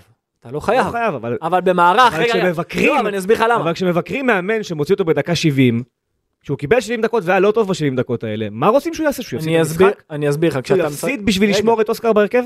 כשאתה משחק 5-3-2, חבר'ה, דיברתי על מה שטוב לא, ב-5-3-2, שנייה. רגע, רגע. אבל אוסקר לוך הוא עדיין אוסקר לוך, הוא לא לאו מסי. אפשר להוציא אותו. גם את לאו מסי הוציאו בגיל 18 ב- בדקה 70. נכון. אפשר כמובן לפתוח איתו אגב. אבל כשאתה משחק 5-3-2, נו. אוקיי? ושאין לך מישהו שעומדים נג- נגדך נמוך, ב-4-5-1, קווים, ואין לך אף אחד שיכול לעשות את הדריבל או את הפס דרך הצפיפות, אף אחד, תסתכל, תגיד לי אחד, אחד מאלה נו. שפתחו, שאתה אומר וואלה, הוא יכול לעבור שחקן, לבעוט לשער, אבל הוא או אחד פתח שיכול לעבור היום. שחקן, רגע, אבל הוא פתח היום. אבל זה מה שאני אומר. נו, אז מה הבעיה? אבל, ש... אבל זה... אני לא אומר שיש בעיה שהוא פתח. נו, אז מה אני מה אתה הפוך, כן אני, אומר? אני בעדו שהוא פתח, וגם כשהוא לא טוב, ה- האחד הזה שיכול לעשות לך את ההבדל זה אוסקר. גם אם הוא לא היה טוב היום, אני לא מסכים. וגם אם כך אישית. עוד פעם, אתה יכול להסכים יותר או פחות, תחשוב שעומדים נגדך נמוך ואתה צריך את האחד הזה שיעשה את ההבדל בפעולה אחת שהיא טובה, אז הוא האחד הזה. לא יובנוביץ' יעשה את זה בדרך כלל, אוקיי, זה יכול לקרות פעם ב... לא זהבי, לא ריקן ולא גולסה. היום, בהרכב של היום. אז היחיד שעוד יכול לעשות את זה, שהוא עולה מהספסל, זה פרפה. אז, אה, וגם הוא, אתה יודע, לא משחק מספיק ובסדרת חינוך. אז אני, אני חושב שהדבר שקרה פה מתחילת הקיץ, וזה ה- הלחץ הבאמת אגרסיבי הזה, שאוסקר לא חייב לשחק בכל משחק 90 דקות, פגע במכבי תל אביב, גם בזה שאיביץ' לא היה שלם עד הסוף ב, ב, בניהול המשחק שלו. הוא התעקש יותר מדי פעמים על שחקנים שלא צריך להתעקש, והוא התעקש על אוסקר. יותר מה מדי היה פעמים. נגד אשדוד? אתה זוכר? הוא עלה מחליף נגד אשדוד. נכון. נו. נו. מה גם היה אז, נגד הפועל גם אז, ירושלים? גם אז. מה היה נגד הפועל תראה ירושלים? במשחקים שאתה הפסדת נקודות, נו, מה היה נגד אז הפועל הוא- ירושלים שהוא לא פתח במשחק והיה 3-0? אז תראה לא קיבל- במשחקים, לא קיבל דקה. אבל תראה בש- מה? במשחקים שהפסדת נקודות. תראה אה, במשחקים אז שהפסדת אנחנו נקודות. משחקים את זה לפי מתי לא, הפסדנו נקודות. במשחקים שהפסדת נקודות, הוא לא היה. הוא לא היה מספיק. אבל גם היה משחקים שהוא לא שיחק והוא כן, כן, כן לקחו נקודות. אז איך זה מסתדר עם מה שאתה אומר? אני- כשהוא משחק, נו. לוקחים נקודות. גם כשהוא לא כשהוא משחק משחק לוקחים לוקחים נקודות אגב. לא תמיד, למה לא זה תמיד? ההבדל, לא תמיד. לא תמיד. מה זה לא תמיד? גם באירופה לא תמיד, אני גם... מדבר על משחקים שהוא לא פתח בהם. כי כן. לשחק הוא שיחק. נכון, אוקיי, אז זה שניים. נכון. נו, וכשהוא לא פתח פעמיים כן ניצחו. אז איך אתה יכול, איך אתה יכול לסדר את זה ב- ב- ב- בטיימליין? עוד פעם. זה לא מדע מדויק. לא, לא. אוסקר גם- גלוך עשה גם- דברים מדהימים בסיבוב הזה, והחמאנו לו בלי הפסקה, ואני חושב שהוא שחקן מדהים. אבל אם הוא בתקופה פחות טובה, שישב בצד. לא צריך להתעקש על שחקן, כי מישהו החליט שהוא חייב לשחק 90 דקות כל משחק. אף אחד לא החליט את זה. כולם החליטו את זה, מה זה לא? המד- או- איביץ'- מדינה לא, לא, שלמה רגע, החליטה רגע, את זה. עזוב, עזוב. מה מי אתה אומר לי שמחליט- לא? מי שמחליט זה איביץ'. אז איביץ', הוא לא החליט את זה. איביץ' מראה לנו בסיבוב הזה שהוא יותר מדי קשוב לרעשי רקע. וזה אחד, זה לא אחד אם הוא היה הדברים. קשוב לרעשי רקע, אז הוא לא היה עושה את הרוטציות שאותן הוא עושה, איזה רוטציות הוא עושה? הוא עושה רוטציות באופן קבוע. אבל לא על ההרכב לא על של היום השחקנים הוא לא האלה. הרכב של שבוע שעבר. חלוצים הוא לא או שלפני מוציא, זה. את אוסקר הוא כמעט ולא מוציא. חלוצים אין לו ברירה. לא, יכל להעביר כאילו הוא מערך, יכול- נכון, כמו הוא יכול לעשות שאמרת. מערך אחר, נו, אין לו אוקיי. ברירה. אין לו ברירה. יכול להעביר מערך. אם הוא- אם הוא לח- אם הוא נעול על המערך הזה, אין לו ברירה. אין לו ברירה. בקישור הוא עושה בלי סוף רוטציות. וזה פגע בו היום דרך אגב. אני לא מסכים שזה פגע בו. ניצח את המשחק בסוף. והיה צריך לנצח גם הרבה לפני. שוב, אנחנו יכולים לא להסכים, הכל בסדר, ומבחינת לנצ- לייצר מצבים לשער של 100%, היום זה היה פחות ממשחקים קודמים. נגד הפועל ירושלים זה לא היה הרבה תגיע יותר. בכל משחק ל-20 רגע. בעיטות לשער, אבל. אתה לא צריך להגיע ל-20, נו. אבל איומים למסגרת לא יכול להיות שלך שניים בכל המשחק. אתה מסכים איתי? אבל אתה, אתה שוב נכנס פה לאלמנט שאתה אומר, איביץ' לא בסדר פה, זה לא נכון. אני עוד פעם, אני דיברתי על איביץ' פעם אחת היום? הרגע אמרת את זה. לא. אני אומר עוד פעם, זה שהוא יצר את הרוטציות האלה, ושפתאום שחקנים משחקים בעמדות שהן שונות, כמו למשל מה ש... הנה, ריקן אפילו היה שבוע שעבר אמצע שמאל, עכשיו הוא אמצע ימין, ההוראות שלו, מה שהוא קיבל, מה שהוא עשה, הוא היה בעמדה שיותר של חלוץ מאשר של קשר אמצע. נו. לא היה לך אמצע. לא היה לך אמצע, תסתכל עוד פעם על המשחק, אתה תראה שהיו מלא מקרים שהם היו תקועים בהנעת כדור סתם לרוחב. לא היה לך באמת תכלס. ומעבר לזה, גם המגנים שלך, הם הכניסו יותר מדי כדורים לאמצע בכוח, לא, ניסית אתה- להניע אתה- יותר מדי ב- אתה מבליט את דרך האמצע הקטע של בכוח. השתי בעיטות אה, למסגרת, אבל הוא לא אשם בזה שהחלוץ בועט לשמיים. והוא לא אשם בזה שזהבי מול שוער מחליק ובועט הצידה. אז כמה, אה, איך הוא אפשר... גם לא אשם בזה שהשופט פוש- פוסל שער של, נכון. אתה יודע, שהיה צריך להיכנס. נכון. אבל היו לך שני מצבים של 100%, נו. וזהו. אבל שוב, שוב, אתה הגול אומר- לא- לא מצב של 100%. היה לך שני מצבים של 100%. היו הרבה יותר משניהם, היה הרבה יותר אני משני- ראיתי- משני- אני ראיתי שניים. זה לא- שלוש- שניים, אולי שלושה. אני לא מסכים איתך. זה לא מספיק. לא מסכים. נגד הפועל חיפה זה לא מספיק. אני אני לא משתכנע עובד- מזה. עובדתית זה הספיק, ניצח. עובדתית זה בסוף. הספיק, בסדר, לשלוש נקודות היום, אבל זה גם יכל להיגמר אחרת ואתה יודע את זה. אבל גם מכבי חיפה יכלה להיגמר אחרת בדרבי. קיבלה שער עצמי מהתחת של אחד השחקנים. הכל, נו. הכל, הכל נכון, אתה חושב שזה משחק טוב של מכבי, אתה רוצה לראות את מכבי אני ככה כל חושב העונה? שזה משחק טוב של מכבי תל אביב. אז אני חושב- ככה כל- היא לא תראה ככה כל העונה. לדעתי, היום היה משחק טוב. אני חושב, משחק טוב אז שגם ארוז בתוך אריזה של הרבה תסכול מהחמצות ומהחלטת שופט שמאוד השפיע על המשחק, אין מה לעשות. אני, אני חושב שמכבי אתה, ספציפית אתה יודע טוב היום, מאוד, אתה יודע טוב מאוד, שאם אה, נפולי שמה גול בדקה העשירית, או שם אותו בדקה בוא, אני 80, אתן- בוא אני אתן לך זה את משחק התשובה אחר שלי. לגמרי. בוא אני אתן לך את התשובה מה שלי. לעשות? אני אתן לך את התשובה שלי. זה תקף לכל קבוצה נגד- בעולם. נגד נס ציונה, נו. היית הרבה יותר טוב. בפער, נכון, אני מסכים איתך. בפער היית. היית יותר טוב. הרבה יותר טוב. היית יותר טוב, אני מסכים איתך. זהו. נו, אז מה? ולא הבאת נקודות. כאילו לא הבאת- לא הבאת שלוש נקודות. אבל אז- הש- נס ציונה זה אירוע שהוא חריג בקנה מידה שלא לא תיתקל בו לדעתי עוד פעם, למרות שהיום היית בדרך לשם, כן? אבל... ברמת- אתה אמרת, אתה רואה? אבל, אבל שוב, אבל, אבל, אבל, או, אבל אתה, אתה בעצמך אומר, זה היה משחק טוב. גם היום היה משחק טוב. גם היום היה משחק טוב. אתה, אתה, אתה, למה, אתה, למה זה מרגיז אותי? כי אחרי נס ציונה, מה שאלו איטיביץ'? אמרו לו, זה היה המשחק הכי גרוע שלכם בארבע השנים האחרונות. אמרנו שזה לא נכון. יפה. אבל גם היום לשפוט את המשחק הזה ולהגיד, נגמר רק 1-0, זה לא משחק טוב? זה גם לא לא, נכון. לא, אבל לא, אני לא מסתכל על התוצאה, נשמה. או שלי. לא. בעטו רק 2 למסגרת, אבל... אבל... לא מסתכל על תוצאה וגם לא רק על איומים למסגרת, אני מסתכל על כל הרעיון, אמרתי, מכבי שיחקה, אתה תראה את זה שוב, תראה כל ההתקפות שלה, ממש דורכים אחד על השני בכוח דרך האמצע, או דוחפים בכוח לעומק כשהפועל חיפה עומד נמוך, אתה רואה שמבחינת הרעיון, אני אומר לך, תראה את המשחק שוב, תראה שמבחינת הרעיון, מכבי לא שיחקה חכם, מכבי לא שיחקה חכם היום. היא יכלה להיות הרבה יותר טובה, היא גם יכלה להגיע להרבה יותר מצבים, אני מבטיח לך שאתה תראה את זה שוב, תגיד לי היום, מכבי יכלה להגיע להרבה יותר מצבים נגד הפועל חיפה, היא לא כזאת איכותית, שתסגור אותך, שתביא אותך רק שני, שני איומים למסגרת. באמת, עזוב עכשיו את ההחמצות של החלוצים, וכן, היה פה ושם, היה. אבל מכבי יכלה לעשות משחק שהיא מגיעה להרבה יותר מצבים, אם רק היא בעצמה, לא קשור ליריבה, אם היא בעצמה יותר חכמה. טוב, אנחנו נשאר פה לא... תגיד לי, כמה פעמים ראית, לא מסכים. כמה פעמים היום ראית את דוד זאדה מוציא כדור חף טוב לרחבה? דוד זאדה היה לא טוב היום. דיברנו על זה אבל. אז אם אתה אומר ש... רגע, רגע, אז משהו פה לא מתחבר לי. אם אתה אומר לי שדוד זאדה לא היה טוב, דוד זאדה היה משחק פחות טוב, שנייה. מבין הרבה משחקים קודמים שלו. שנייה, אם אתה אומר שדוד זאדה לא היה טוב, וקנדיל חצי שני היה פחות טוב, וגולסה לא היה טוב, ואוסקר לא היה טוב, וריקן לא היה מספיק טוב, וזהבי לא היה מספיק טוב, אז איך אתה רוצה ש... איך אתה אומר לי שמכבי הייתה טובה? אני לא... אה, קודם כל לא אמרתי את זה. אמרת שמכבי הייתה טובה. לא אמרתי, לא, לא אמרתי, ש... את כל מה שאמרת לא אמרתי. אה, אז אתה, אתה אומר שהם היו טובים? אני חושב ש... אתה רוצה לעבור אחד-אחד כאילו? לך על זה. גולס היה בסדר גמור בעיניי. איבד את האמצע, איבד את אה, האמצע בלי סוף פעמים. הגנתית הוא לא מפריע לי. מה זה לא מפריע? הוא לא מפריע לי, קשר אחורי. הוא לא הפריע לי. מה זה קשר אחורי? בסדר, אבל אתה אתה רוצה קשר לנצח את אחורי, שש המשחק, של לא? הקבוצה. גם, גם, גם התקפית, Mm. אוקיי? גם התקפית. אתה יודע כמה פעמים הוא קיבל את הכדור? כשש. הוא השש של הקבוצה, אתה יודע כמה פעמים הוא קיבל את הכדור? ב-88 דקות? לא. בש- סליחה, ב-68 דקות? נו. 25 פעמים. שש של הקבוצה. אוקיי. 25 פעמים. זה, זה, קש... זה שש? 25 פעמים ב-68 דקות. אז בוא, אני אומר לך, מכבי לא הייתה טובה היום, נקודה. לא הייתה טובה. אני לא מסכים איתך. אתה- אתה מגזים, הפרש- הפרשנות שלך אני- היא אני- מחמירה... אני ממש לא מגזים, אתה היא יודע שאני מחמירה הכי מאוד. רוצה, אני הכי לא, רוצה היא להחמיא. מחמירה מאוד, אתה מחמיר מאוד. אני הכי רוצה להחמיא, ואתה יודע את אתה זה? מחמיר מאוד, לדעתי. בסדר, אז היום אבירי אני קנה בסדר אז היום גמור אני היום. מחמיא. אברי קנה בסדר גמור, וגולס היה בסדר גמור, וקנדיל ודוידדה היה להם רגעים שכן וכן, אה, דוידדה טיפה פחות ולכן גם הוא הוחלף, קנדיל בחצי הראשון, נכון, בחצי סבורית השני פחות. התקפית היה בסדר גמור, ניר ביטון היה בסדר גמור, סבורית, אמרתי. אה, יובנוביץ' לא הפסיק דיברתי על לנסות שלושת הב- למרות שהוא במשבר, לא דיברתי על שלושת הבלמים, נו, כל השאר, פחות. כל השאר, רק יובנוביץ' באמת היום עשה גול מכלום. מחליפים שעלו עלו בסדר גמור, נכנסו נכון, טוב נכון, למשחק, מחליפים אז נכון, אני לא- מסכים אני איתך. לא- אז אני לא מסכים, אז יפה, אז אני לא מסכים איתך עם השורה הזאת שמכבי היום הייתה לא טובה, זה לא נכון, טוב. זה- זה- זה- זה מחמיר, אני מס- אני אומר לך, אתה מחמיר מדי עם ה- עם המצב. אז אני, אתה יודע מה? אז לא שאני מחמיר, אני מצפה מאיביץ' ומכבי להרבה יותר. ציפיות זה משהו אחר. כן, אבל אז זה- אני מצפה אבל מהם אתה לא להרבה יכול יותר. לשפוט לפי הציפיות. בשלב הזה של העונה אני מצפה מהם להרבה יותר. בסדר, אני לא, זה לטחון מים ואין אין סיבה להמשיך. אני, שוב, בעיניי אתה מחמיר עם המשחק הזה מאוד, אבל אה, יאללה, בוא נתקדם הלאה. יאללה. אה, בוא נסכם את הסיבוב הראשון הזה. אה, באופן כללי 29 מתוך 39 נקודות.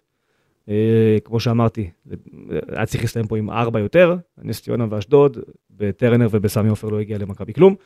אה, אירופה זו נקודה מאוד מאכזבת, כי אפשר היה לעשות הרבה יותר נגד ניס, בטח בגומלין, שהוכח להם שחקן, היה צריך לעשות... חשבנו שלא, אבל כשראינו את המציאות אז כן.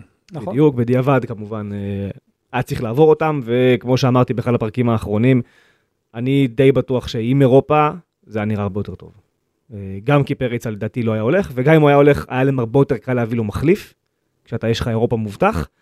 אה, ו- ושוב, אני חושב שזה היה מסדר גם את עניין הכושר, וזה גם היה מכריח את איביץ' להשתמש בשחקנים שהוא לוקח אותם ככה, ב- ב- אתה יודע, כמו יונתן כזה, או כמו דור פרץ, או כמו פרפה, אתה יודע מה, מה, או כמו מה- ריקן. מה אתה אומר שזה, מה מה נכון בדיוק, מה נכון, שהם באמת היו משחקים כמעט כולם פעם בשבוע. נכון. עכשיו קורה שהם משחקים פעם בשבועיים. ו- ואז אתה רואה בעיה של כושר גופני פתאום. ו- אתה רואה בעיה של תיאום. נכון. הנה היום, מה, מה שאני מדבר איתך זה לא חייב להיות ההוראות, זה יכול להיות בעיה של תיאום פשוט.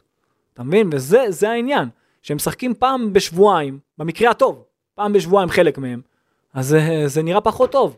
ואם היה אירופה, כמו שאתה אומר, אז היה להם פעם בשבוע, והם משחקים ביחד יותר. ובגלל זה אני אומר, זה, זה, זה בסוף זה פגע מאוד במכבי תל אביב.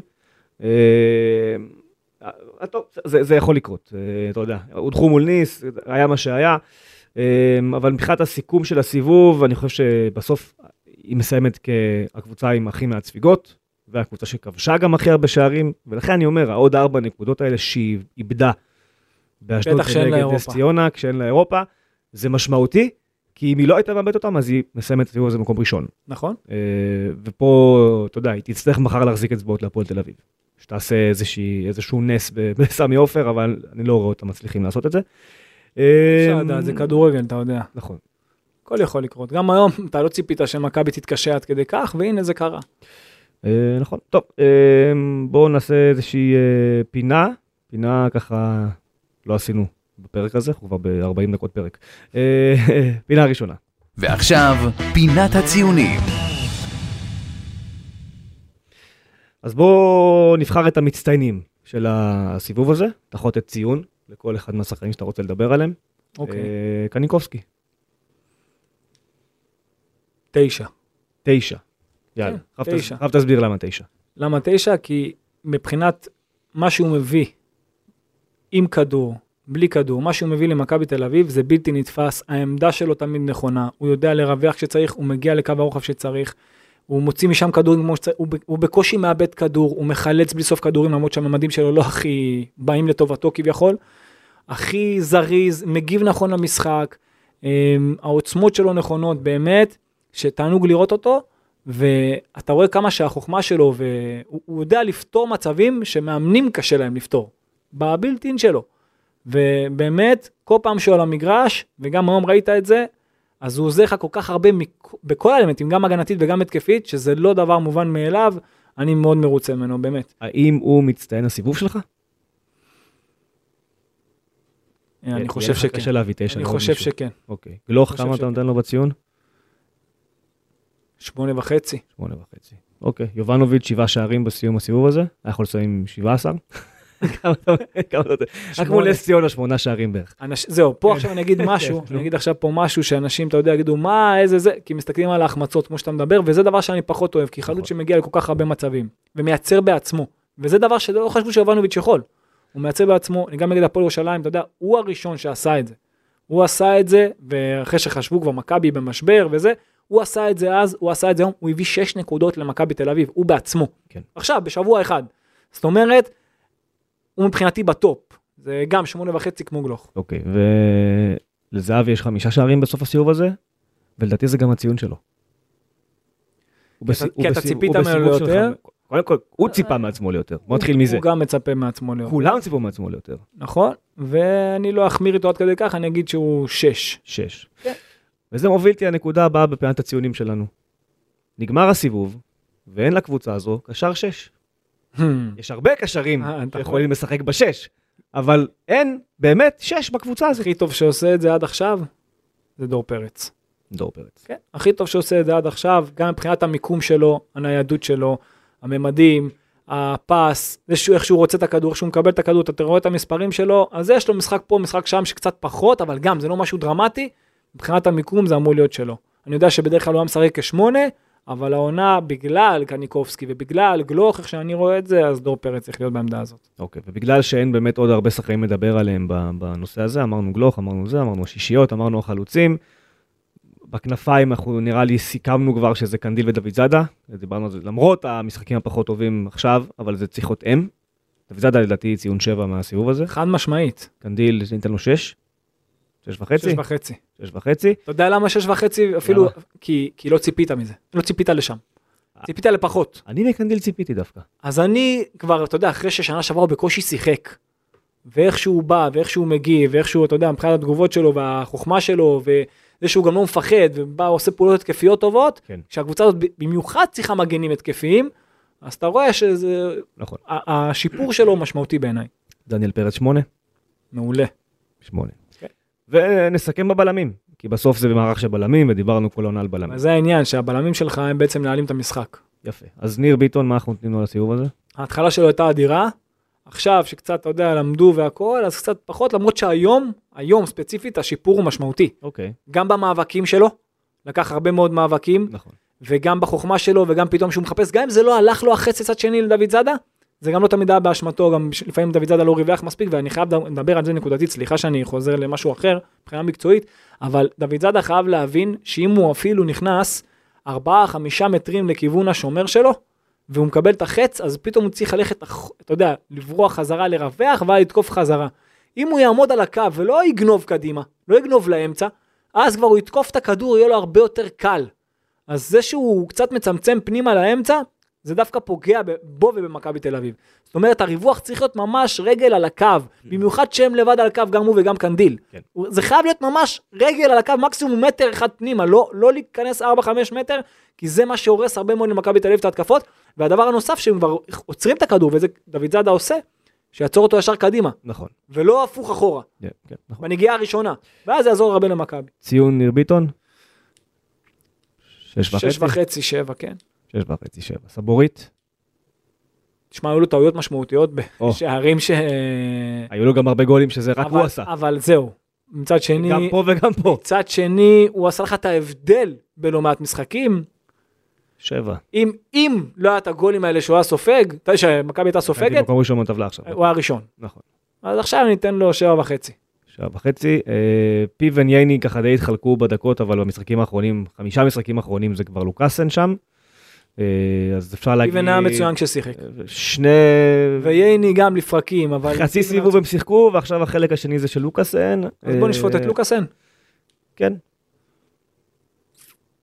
מבחינה הגנתית זה רמה, אתה יודע, לליגה שלנו זה תשע, אבל מבחינה התקפית עד עכשיו זה היה פחות, עכשיו קצת אולי טיפה יותר. ניתן לו בסך הכל כן. שבע וחצי. אני נותן שבע. אני אקח את זה חצי למטה. אתה רואה, אז פה אני מפרגן להם, אתה רואה את ההבדל? ולכן, כשתראה את הפרק שוב, אתה תבין ש... לא, סתם. אה, יפה, טוב, זה היה הציונים, נשארנו עם ציון לאיש אחד. והוא גם יהיה אה, מה שככה יסיים את הפרק, וזה איביץ'. אה, ואנחנו רוצים לבחון את איביץ' מכמה אלמנטים, עד שנגיע לציון הסופי. אז קודם כל, ניהול משחק. לוקה בחסר. אוקיי, תסביר. תסביר כי אתה ראית סיטואציות למשל, כמו נגד אשדוד, שהוא פתאום פתח כי היה לו חלוץ אחד, כי יובנוביץ' היה מורחק, ואתה ראית פתאום סיטואציה שהוא משחק 5-4-1 קווים, ושני השחקנים בקו הם לא שחקני קו. למה אתה מזיז את קניקובסקי לקו, ואז היה פרפה שם, אם אני לא טועה, בקו, וזה היה נראה פחות טוב, אתה- הוא ניסה להניע כדור עם שני שחקנים באמצע, שזה נגד המשחק. אין דבר, אז תוציא בלם אחד, כן. שים קשר, ואז תוכל להניע, לא ראיתי קבוצה בעולם, בעולם, שמניע כדור עם שני קשרי אמצע. זה לא קורה, אז פה אתה רואה לקות בהבנה. דבר שני שאני רואה שהקבוצה שלו כמו היום, ואני- ואתה חייב לראות את המשחק הזה שוב, מנסה, גם נגד נס ציונה זה קרה לא מעט פעמים דרך אגב, אפילו שהם הגיעו למצבים, מנסה כל הזמן להניע, הרבה פעמים להניע, לא כל הזמן, דרך האמצע. זה, זה, זה נוגד את מה שצריך לעשות. או לעבור ל-442 יעלון נגד נס ציונה, כשהם בעשרה שחקנים. למה? שים עוד חלוצים כבר. אם כבר אתה כבר דוחף ארוכים לעומק בכוח, למה לעבוד את האמצע? כאילו זה דברים שאני באופן אישי פחות מתחבר אליהם, אה, אבל מה שכן לטובתו אני אומר, שמבחינת האימון שלו, האימון שלו ב- אה, באופן קבוע, אתה רואה שהקבוצה אה, משתדרגת מבחינת הלחץ בעיבוד כדור זה משהו שמהרגע הראשון, אבל לדעת לשחק לעומק כשקבוצה לוחצת אותו גבוה. אז זה דבר שחייב לומר לזכותו, כי זה דברים שבהתחלה הם היו מאוד מתקשים. נגד נתניה ראינו במשחק הראשון, נכון, נכון, מכבי לא ידע מה לעשות, נכון, לא ידע מה לעשות, ואז פתאום אתה רואה אותם יודעים להגיב לזה. נכון. אמ, אז זה הולך כן לטובתו. מעבר לכך, הם חייבים לעשות את העוד פעולות בקווים. אני יודע, תדע לך שיש מ- משהו מאוד מאוד קשה ב-532, לייצר שליטה נכונה. אין כמעט מאמנים בעולם, יש את קונטה כזה, אוקיי? כן. שהוא מאמן ב-532 שנים, ויודע לייצר הנעת כדור, אבל הוא גם יודע להיות מגוון ממשחק עומק. ובמשחק עומק היום כבר איביץ' כן יודע להגיב לשם, אבל בהנעת כדור הוא צריך מאוד את קניקובסקי. מצד שמאל זה כן קורה בגלל גלוך, כי בבילטין שלו, המיקום שלו הוא פשוט פנטסטי בדרך כלל, חוץ מהיום, אבל גם זה לא רק באשמתו.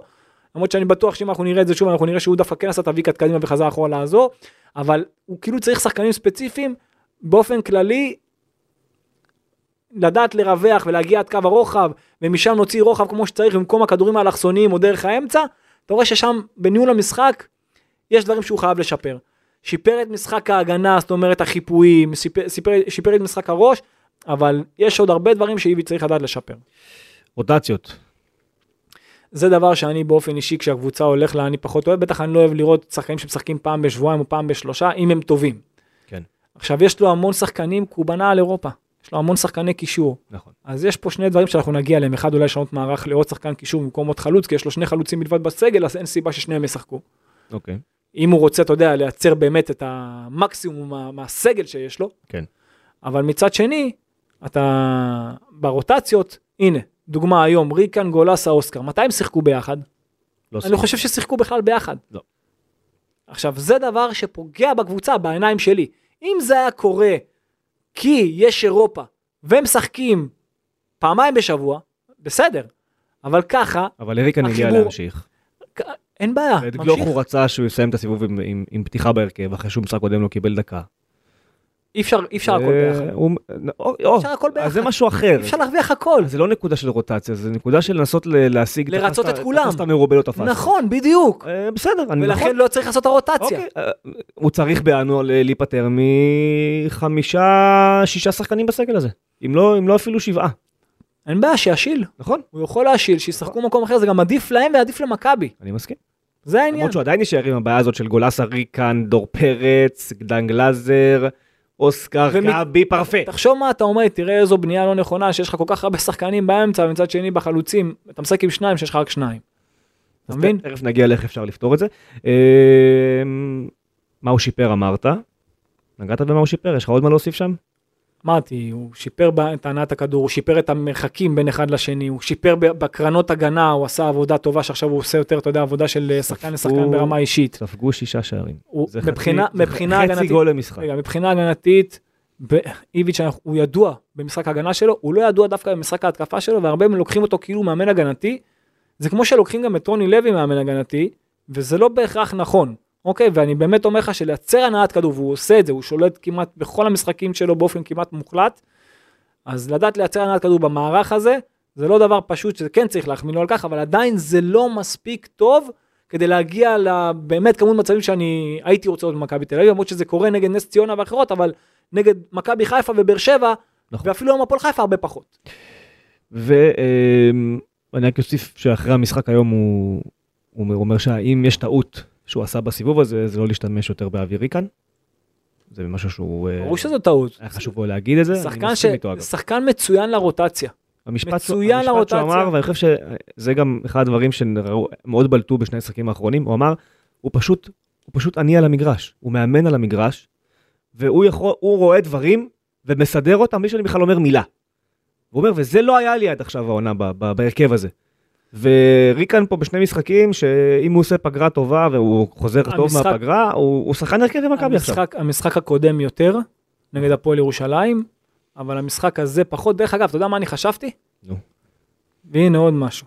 אני חשבתי שבסגל הזה, הרי גם ריקן עשה את זה לא מעט פעמים, משהו יש שש. לא. מה? שיהיה מגן, חלוץ. מגן ימני. אה, הוא כבר היה מגן ימני בבית"ר ירושלים אפילו פעם. הוא יכול, אה, הוא יכול, לסחוב את זה. הוא יכול בקל, אני מבטיח לך. לשרוף אה, מגן שטחים, ימני ורגל שמאל? הוא יכול גם להיות מגן. ימני או שמאלי? לא משנה, באחד מהצדדים. אוקיי, מעניין. הוא יכול גם להיות מגן. הוא יכול גם להיות מגן, אני אומר לך. אז גם אנחנו- הרמות שלו מצוינות, אוקיי. הרמות שלו מצוינות, והוא שורף שטחים, והוא נייד, והוא מדבר, והוא מכוון, וזה גם משהו שאפשר, בוא- אתה בוא יודע. נעשה רשימת מטלות לאיביץ' לפגרה. אחת, לך תראה ספרי הדרכה של אה, קונטה. שתיים, נייחים ו... לא, אבל יש דברים שהוא שיפר. נכון, אבל זה- אתה אומר, בשביל ללמוד את המערך הזה, עד- להיות פרפקט בו. אבל רגע, למה- למה למה להמשיך במערך הזה? אתה אומר, אם הוא ממשיך במערך הזה. בסדר, אוקיי, בוא נמשיך. אני אומר, אה, כרגע זה הכיוון, נכון? אנחנו עוד לא, עוד לא נפתח החלון ועוד לא ראינו מה הם החתימו. כרגע עד איקס כלשהו בינואר, זה מה יש. נכון.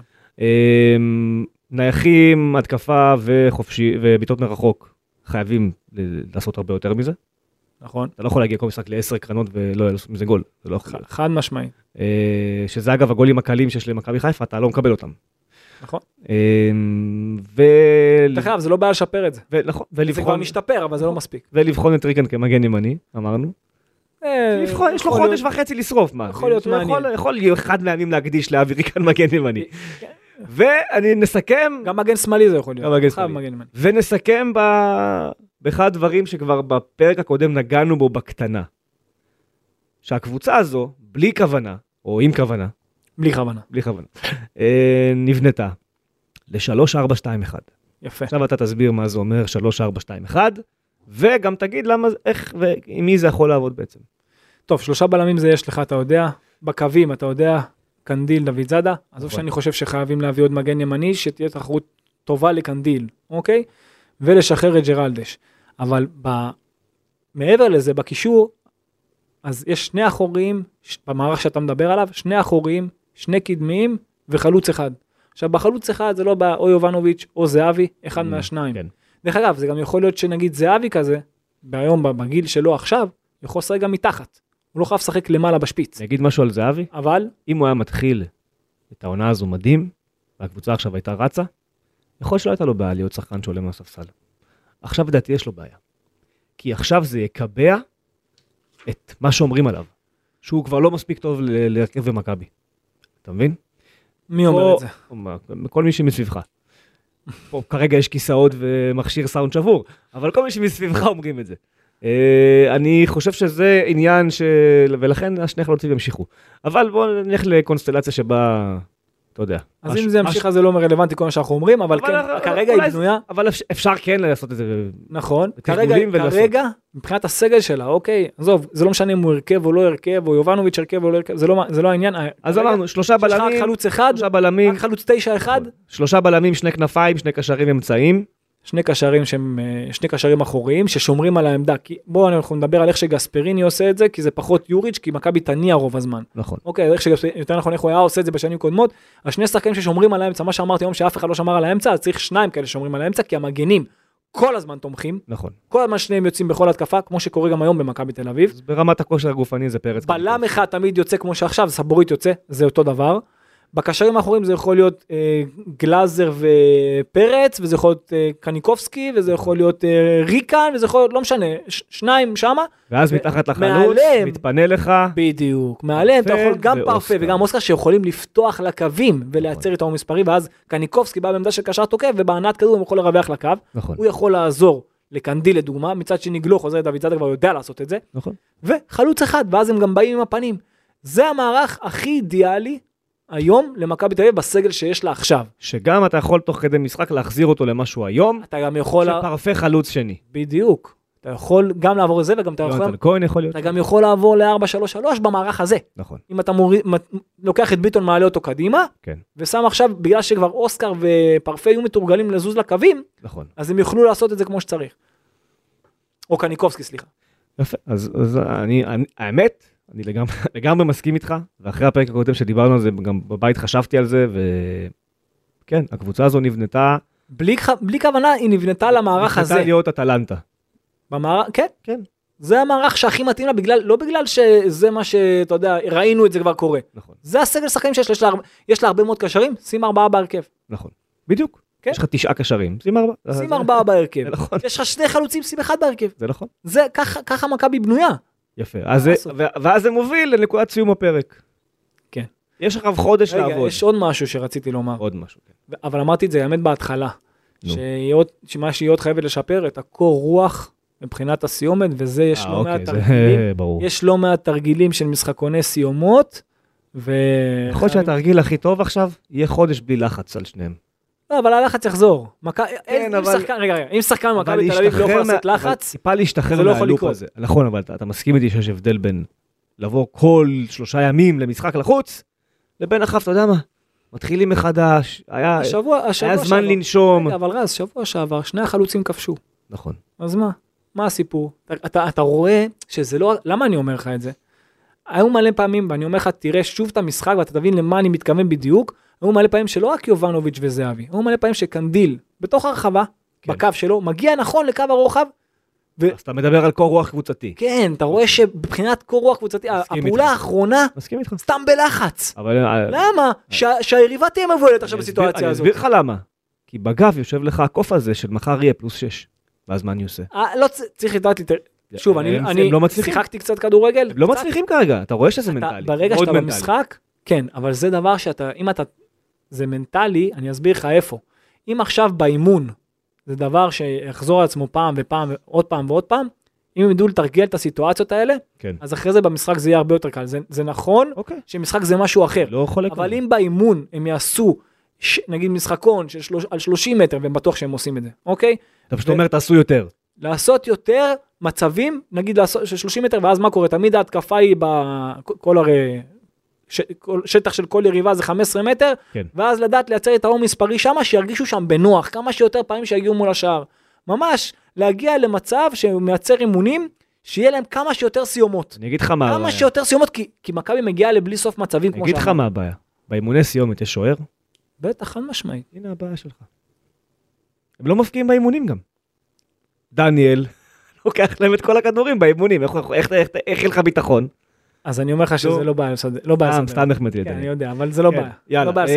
אמ, אה, אמרנו את זה לא מעט, נגיד את זה שוב. אה, לברק יצחקי יש עכשיו שתי מטרות, אחת קוראים לה חלוץ שהוא ווינגר. רגע, אני ח- אני חייב לחזור נו. למה שאמרת, סליחה שאני קוטע אותך. למה אתה חוזר לזה? אני- לא, אני חייב... זה הבדיחה. אתה יודע מה כן. הקטע? לא, כי אתה יודע מה אמר? כי יש כאלה שחושבים שצריך לעשות יותר סיומות, זאת אומרת יותר נגיד אה, דריבלים על קונוסים ולבעוט. לא, צריך אה, לייצר לא, מצ- לא. צריך לייצר מצבי... הבינו מה אתה אומר. לייצר לדעתי. מצבי משחק. נכון. כמה שיותר מצבי משחק של השחקני התקפה למעלה הם באזורים עושים האלה. את זה, הם עושים את זה. לא מספיק. אה, יכול להיות. לא, ב- בזה אני לא... עם מנסה. דגש על העוד פעולה. אני ב- עם בזה אני דגש על עוד פעולה, להרגיש בנוח. עם בזה- דגש על זה. בזה אני מסכים איתך. אה, במיוחד על ה- להגיע לקו הרוחב, ושתמיד יהיה שם עוד אחד בקו שני. לא בעיה זה לעשות לא קיים בכלל במכבי של העונה. חוץ מגולסה נגד הפועל ירושלים. אה, כן, אה, שני דברים יש ליצחקי לעשות ב- בחודש ה- בחודש הקרוב, וזה כבר לסגור בעצם, ווינגבק ימין, וחלוץ שהוא ווינגר. או ווינגר שהוא חלוץ. או גם וגם. או גם וגם, אין לו מספיק זרים לזה, אבל... אה, למה? יש לך מקום לזר אחד, אתה צריך לשחרר עוד אחד כדי שיהיה לך... שחרר. ל- שחרר, מה? תשחרר את- אז- תשחרר את ג'רלדש. אין לך גם וגם ומגן ימני. למה? אני אסביר לך. כי אם אתה מביא ווינגבק ימני, ג'רלדה שלח, כן. ואתה צריך להביא חלוץ, אז יש לך עמדה פנויה, אבל הלך לך, אז לווינגר הלך. אין לך. אבל הלך חלוץ, נו. והלך לך גם כנף. אבל בכנף הביאו בלם זר. יש מקום לשישה זרים. אמרתי זרים? אז על מה אתה מדבר? תביא עכשיו את שבירו כזה מקריית שמונה. אה, אתה רוצה להביא את שבירו, אוקיי. כן, בסדר. תביא את שבירו מקריית שמונה, אוקיי. ותביא כנף זר. בסדר, אז תגיד שבירו. הנה, אמרתי לך, שבירו, תביא את שבירו ותביא אה. כנף זר. שבירו זה מיליון יורו בערך, כן? למכבי יש כסף. גם לי יש כסף, זה לא אומר שאני רוצה לקנות את זה את אה, שבירו. אתה- אתה יודע, כל אחד מה שהוא רוצה לעשות עם זה- הכסף שלו. אם שבירו יהיה שווה אחרי זה יותר, אתה תרצה לקנות כן, אותו כן. במיליון יורו. אה, מה עם דיה סבא? ואז להביא חלוץ זר? מה אתה אומר? גם יכול להיות טוב. מעניין, לא? גם יכול להיות טוב. נראה מדהים בטורקיה. וחיפה גם- רוצים אותו? גם דיה סבא יכול להיות טוב. כן? מעניין דיה סבא. גם יכול להיות מצוין. לא רע, מגן ימני ישראלי שהוא לא אלי דסה, יש לנו בכלל משהו כזה? זסנו. זסן. זסנו, כן. מעניין. אז יש לו אפשרות, כאילו, אתה יודע, לא יודע אם כל אפשרות, לא, לא כל אפשרות היא הכי טובה שיש, אבל יש אופציות.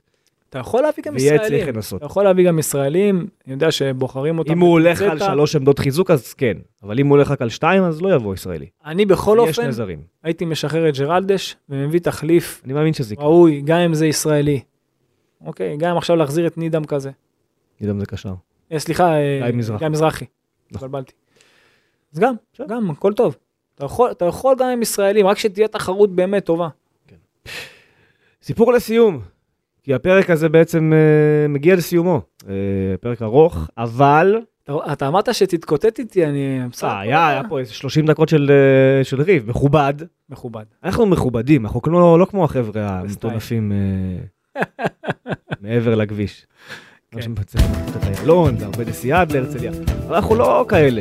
אנחנו לא... אני ואתה זה בכבוד. אני לא אדבר עליך בצורה לא יפה. או לא. אני ואתה זה אהבה.